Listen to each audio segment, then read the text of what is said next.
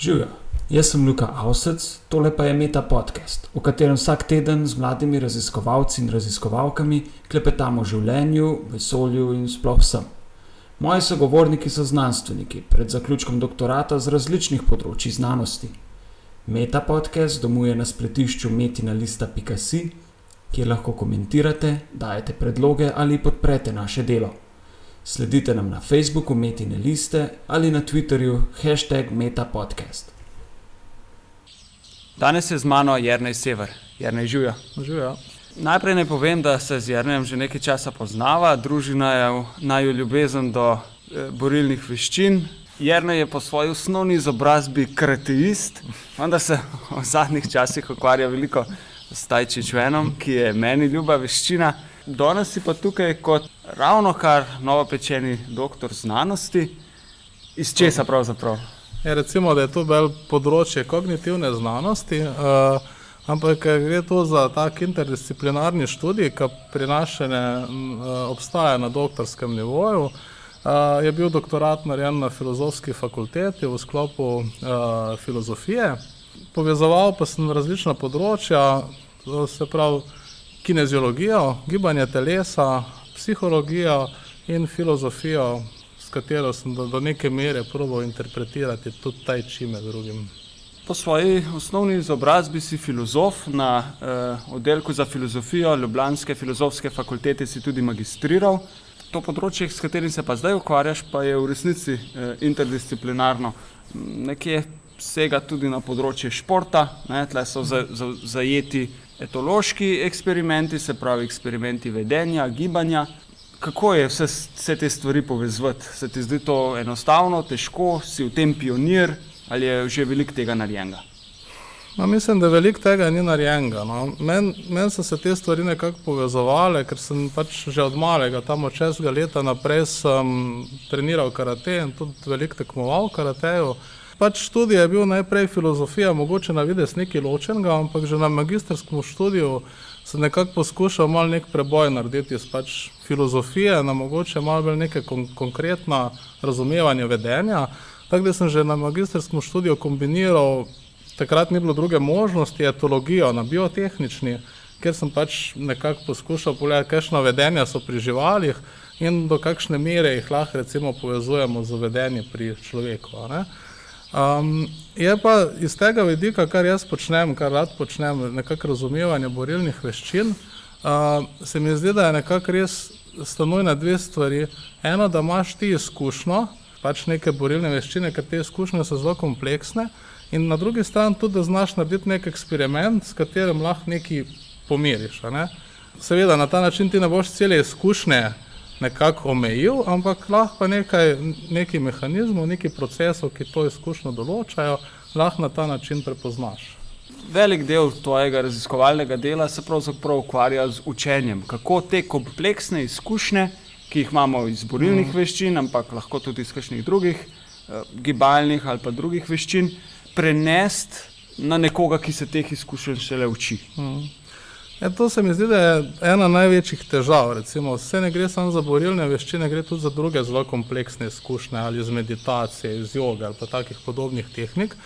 Težava je v tem, da v bistvu ni enega sistema, ki bi omogočil učinkovito učenje. Zdaj, opisi teh izkušenj so zelo pogosto metaforični, kar pomeni, da si lahko vsak človek predstavlja nekaj drugega za tistim opisom. Ne? Mislim, če tako zelo preprosto rečemo, že če jaz rečem nekomu, sprosti se, vprašanje, če on ve, na kakšno sproščenost jaz mislim. Uh, in zdaj učni proces je zelo zapleten, zato ponovadi zmeraj zahteva enega zelo izkušenega učitelja, ki je v kontaktu z učencem in pač na ta način počasi to izkušnjo prenaša. Ne? In pa se tudi tista metafora povezuje z pravo izkušnjo. Zdaj, moj cilj je bil pa drugačen. No, jaz sem pa želel poiskati neke neurofiziološke procese, ki so merljivi in ki definirajo to izkušnjo, ne definirajo, do neke mere določajo. Uh, na ta način pa v bistvu tudi izkušnjo lahko pišemo, ni treba več na tak metaforičen način, ampak z nekimi merljivimi parametri, ki nam pomaga, da v bistvu tudi vadbo naredimo lahko bolj učinkovito, nadzorovano in tudi na nek način dostopno širši populaciji.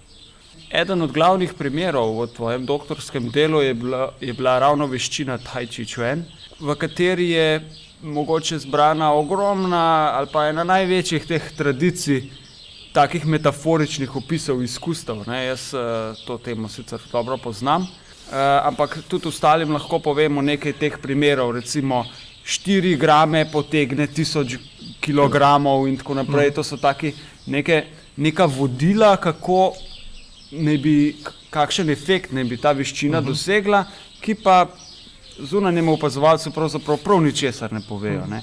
Zato me zdaj zanima, s kakšnimi eksperimenti, oziroma s katere stvari si se ti odločil mm. meriti, mm.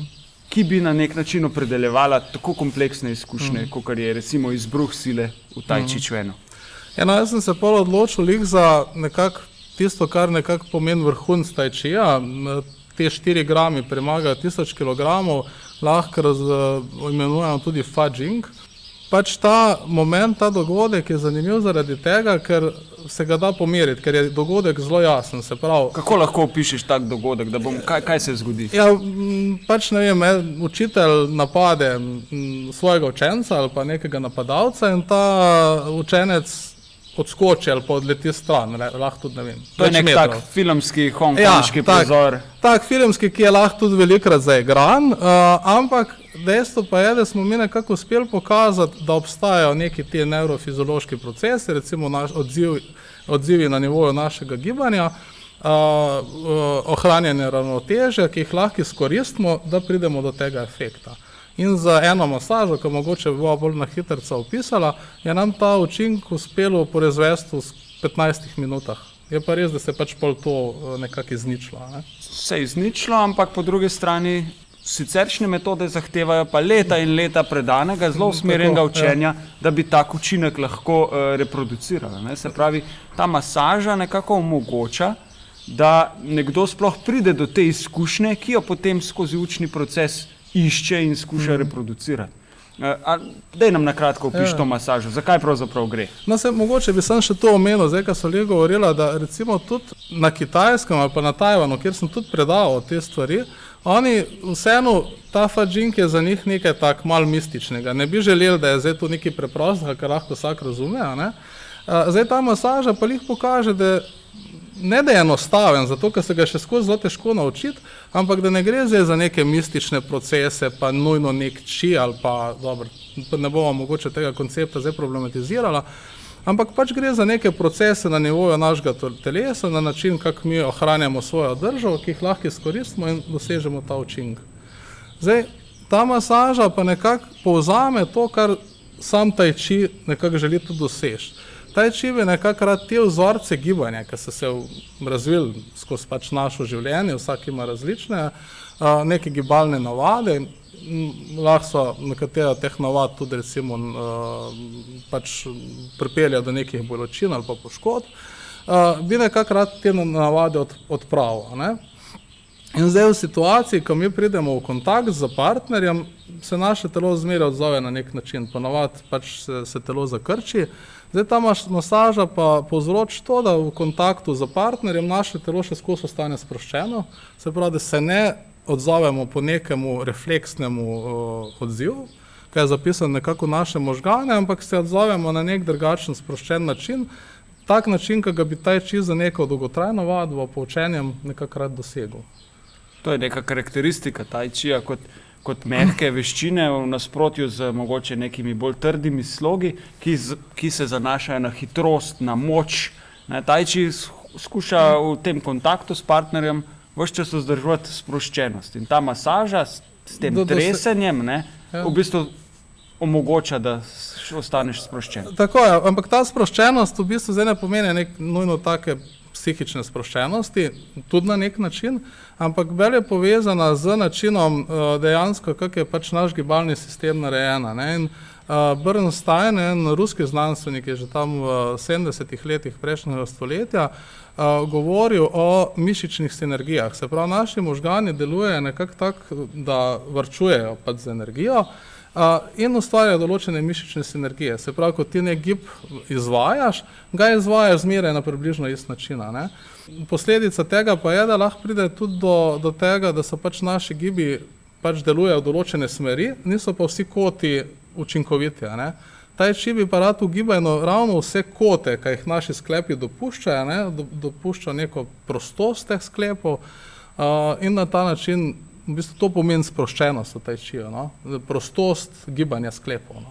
V svojem raziskovalnem procesu si uporabljal tudi uh, zelo kompleksne meritve, s katerimi si uh, ugotavljal, kako se telo ljudi, ki vadijo tajči, mm.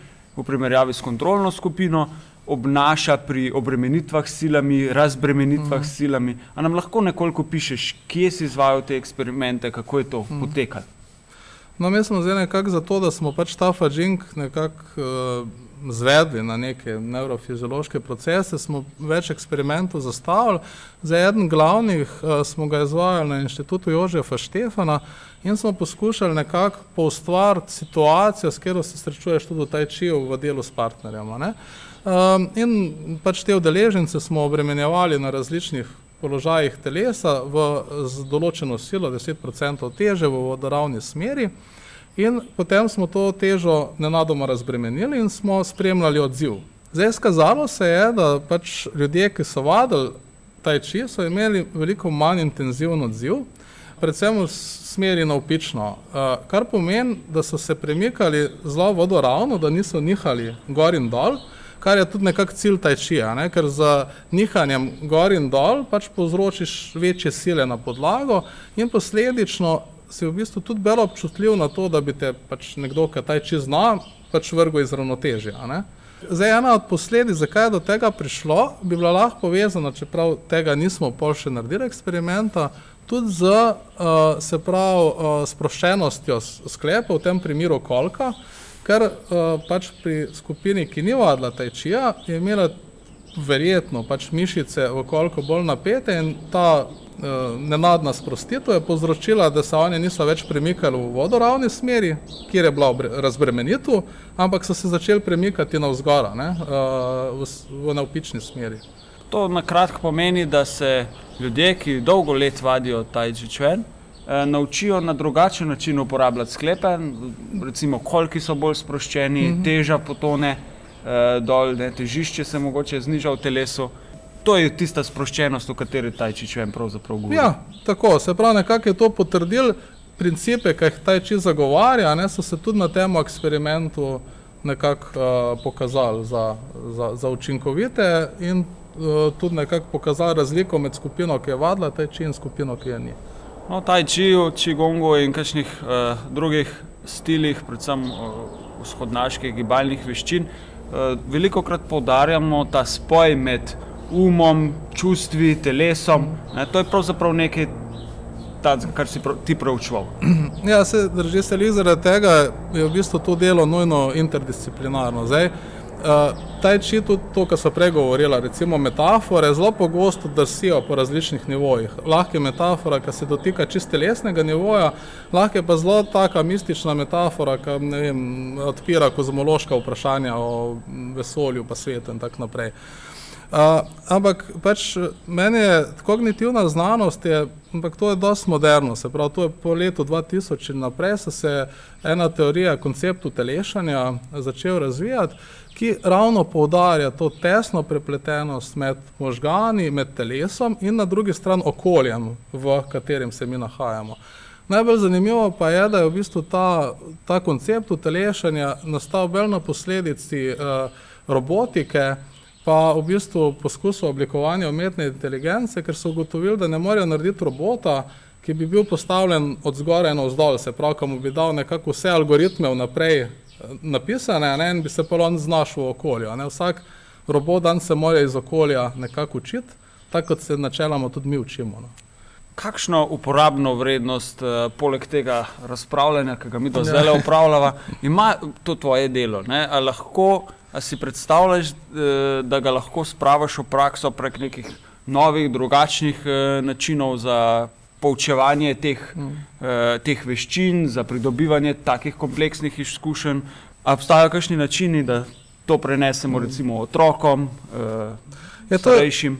To je bil nekako tudi meni pač glavni cilj te, te, tega doktorata, uh, da v bistvu poskušam na, na koncu izpeljati neke zadeve, ki so uporabne pač v vsakdanjem življenju. Uh, in zdaj eden od glavnih uh, pač lahko pomenov je že samo to, da v bistvu neka vadba, taj čija, pa tudi lahko vseh drugih nekih takih kompleksnih izkušenj, na ta način ali pa s tem konceptom, ki smo ga mi zastavili, uh, lahko razdelimo na neke bolj preproste procese in tudi vadbo dejansko pol usmerjamo in se tudi zavedamo, v bistvu, na katerem nivoju se mi nahajamo. A zdaj vadimo bolj neke mentalne, pa kognitivne sposobnosti, a vadimo telesne, a se ukvarjamo z nekimi refleksnimi procesi, pa jih probujemo spremenjati. Ne? Tega ponavadi v teh oblikah vadbe ni sistematizirano in zaradi tega tudi vadba včasih pač ni učinkovita.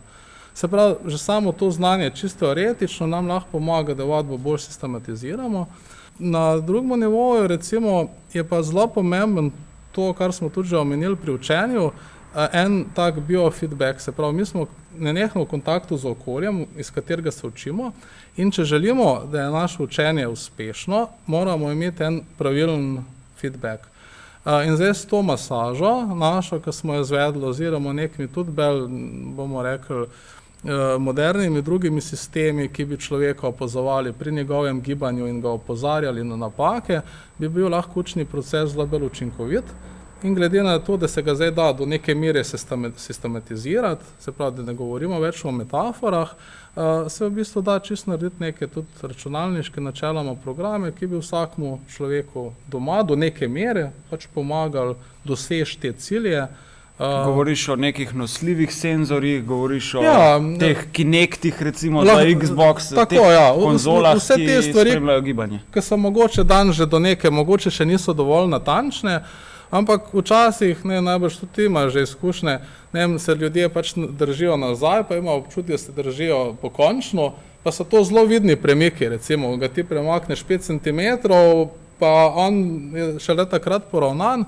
Se pravi, gre za stvari, ki so do neke mere lahko že s temi uh, senzori, ki so danes na, na trgu ali pa ki so že dostopni, uh, že v bistvu čist dosegljivo.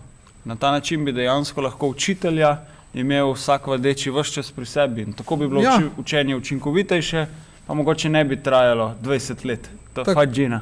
Tako, ja, zdaj, če, če si postavimo cilj fadžina, ampak se pravi, taj či ima tudi marsikaj drugega še, ne, ni fadžink je sam pač en učink, uh, ki je sicer zanimiv, ni pa nujno, da ga ne treniramo. No. Jer naj ne te za konec vprašam še nekaj splošnih vprašanj, ki jih zastavim vsakmu sogovorniku. Uh, vedno začnem s tem, katere nam znane ali nam neznane osebe bi povabil k sebi na večerjo, če ne bi bilo nobenih omejitev. Ma, meni je tako, meni se zdi, da je lahko vsak sogovornik zelo zanimiv. Rečemo, pred, zdaj sem sicer spremljal veliko Elona Maska, uh, pa njegov Tesla avtomobil, ki mi je zanimiva, bila res taka zadeva, uh, pač uh, neki inovator, ki se upa nekaj novega narediti. Ampak načeloma bi mi bilo večerje lahko z vsakim človekom zanimivo. Ti izhajaš iz uh, podeželskega okolja, iz ne. idrijskega konca če bi podedoval 15 hektarov zemlje, ali si jo že, jo, jo boš podedoval, ali imate kmetijo? Uh, imamo kmetijo, ampak mislim, da bo podedovala sestra. Um, Tako da se mi zdi, da pač zemlja zahteva kar velik angažma. No. Zdaj jaz sem malo usmerjen v druge stvari. Sem zelo rad z ljudmi. Ja, tak, ja. Sem zelo rad sicer v naravi. Uh, ampak v tem primeru bi mogoče raje nekomu uh, dal v uporabo ali pa tako, da bi pač za, za temi hektarji nekaj naredil. Kaj ti je lažje izbrati? Najljubše živo biti ali najljubše umetniško delo, pa naj bo glasbeno, literarno, likovno? Ma težko, to je ta, tako malo vprašanje kot to na prvo. No. Veliko stvari je zanimivih, ampak tako tak za sprostitev rad berem znanstveno fantastiko. No. uh, kje se vidiš čez pet let, kje čez 40 let? Da je treba povedati, ti trenutno nisi asociiran z nobeno raziskovalno ali pa izobraževalno inštitucijo, ne, mm. si uh, vsaj javno, ne, ne, mm. si tudi uh, mladi raziskovalec bil iz gospodarstva. Kje se vidiš čez pet ma, let? Ma meni zaenkrat kar dobro funkcionirajo te stvari, da tako da samostojno. Uh, pač delujem. Uh, Se pravi, poučuješ? E, poučujem ali pa vodim tudi neke programe. Recimo, uh, tako da to mi je tako zelo zanimivo delo. tudi na vsak način me zanima, mi je pač neka motivacija ali pa izziv aplicirati te stvari, ki sem jih zdaj raziskoval v neko praktično življenje. Tako da se mi zdi, da pač v ta smer me bo pač nekako pot vodila, zdaj kaj se bo pa na tej poti zgodilo, bomo pa videli. No. Se pravi, kdaj lahko pričakujemo prve te tvoje masažne aparate, kdaj lahko pričakujemo nosljive Ja, senzorje, ki nas bodo poučili, poučevali v gibanju. Ja, jaz upam, da pač z kakšno pomočjo zunanjo ali pa komu, ki bi bil zainteresiran v to, kaj vložiti, bi lahko te stvari dosti hitro zgodile, če ne pa to pač traja malo več časa. Uh, nam lahko priporočiš kakšno dobro knjigo uh, zadnjega časa, lahko kakšno računalniško igro, film, če ti je to bliž, bližje. No, včeraj sem jih gledal ta uh, uh, AI, kako je že Artificial Intelli eh, Intelligence uh, film, pa se mi zdi, da je tak, se bomo verjetno ste ga vsi že gledali, ampak se mi zdi zanimivo lih iz tega vidika, da v bistvu človeška čustva niso na en način tako zelo zakomplicirana. Uh, in da po mojem tudi ni zelo daleč, cajt, ko bojo pač lahko tudi nek, nekako računalniško čustva zaigrali. Ne bom zdaj rekel, da bojo jih roboti eh, čustvovali, ampak bojo pač znali vse te stvari, ki se stavljajo neko čustvo uh, odigrati. No. Jerne, si želiš več prostega časa, kot ga imaš zdaj? Ma jaz sem to razmišljal, pa se mi zdi, da mogoče bi bilo bolj fajn, da bi dal njemu malo več ur, no, drugače pa. drugače si ga pa provam izboriti. No, da bi delal v svojem prostem času iste stvari, kot jih delaš zdaj. Ja, to, to nekako. Bolje se mi zdi pri tem prostem času zmeraj družina, ker že imam male otroke. Vse je pač treba vzeti čas za družino, mislim, treba. Je zelo lepo si vzeti čas za družino. Uh, tako da iz tega vidika mogoče bolj res pogrešam, da bi, kdaj, da bi imel malo več ur na razpolago, uh, drugače si pa kar vzamem tudi prosti čas. Jerne Sever, hvala za pogovor. Hm, hvala tudi tebi. Poslušali ste Meta Podcast. Pohvale, pripombe in predloge za bodoče goste nam lahko posredujete tudi po e-mailu na znanostafnametinalista.si, sicer pa nas poiščite na Facebooku Metine liste in na Twitterju, kjer mene najdete kot @inlife, čivki v podkastu pa ima hashtag MetaPodcast. Vse oddaje s povezavami na domače branje so doma na spletnem portalu metinalista.si, kjer lahko ta projekt tudi finančno podprete. Hvala in naslišanje prihodnjič.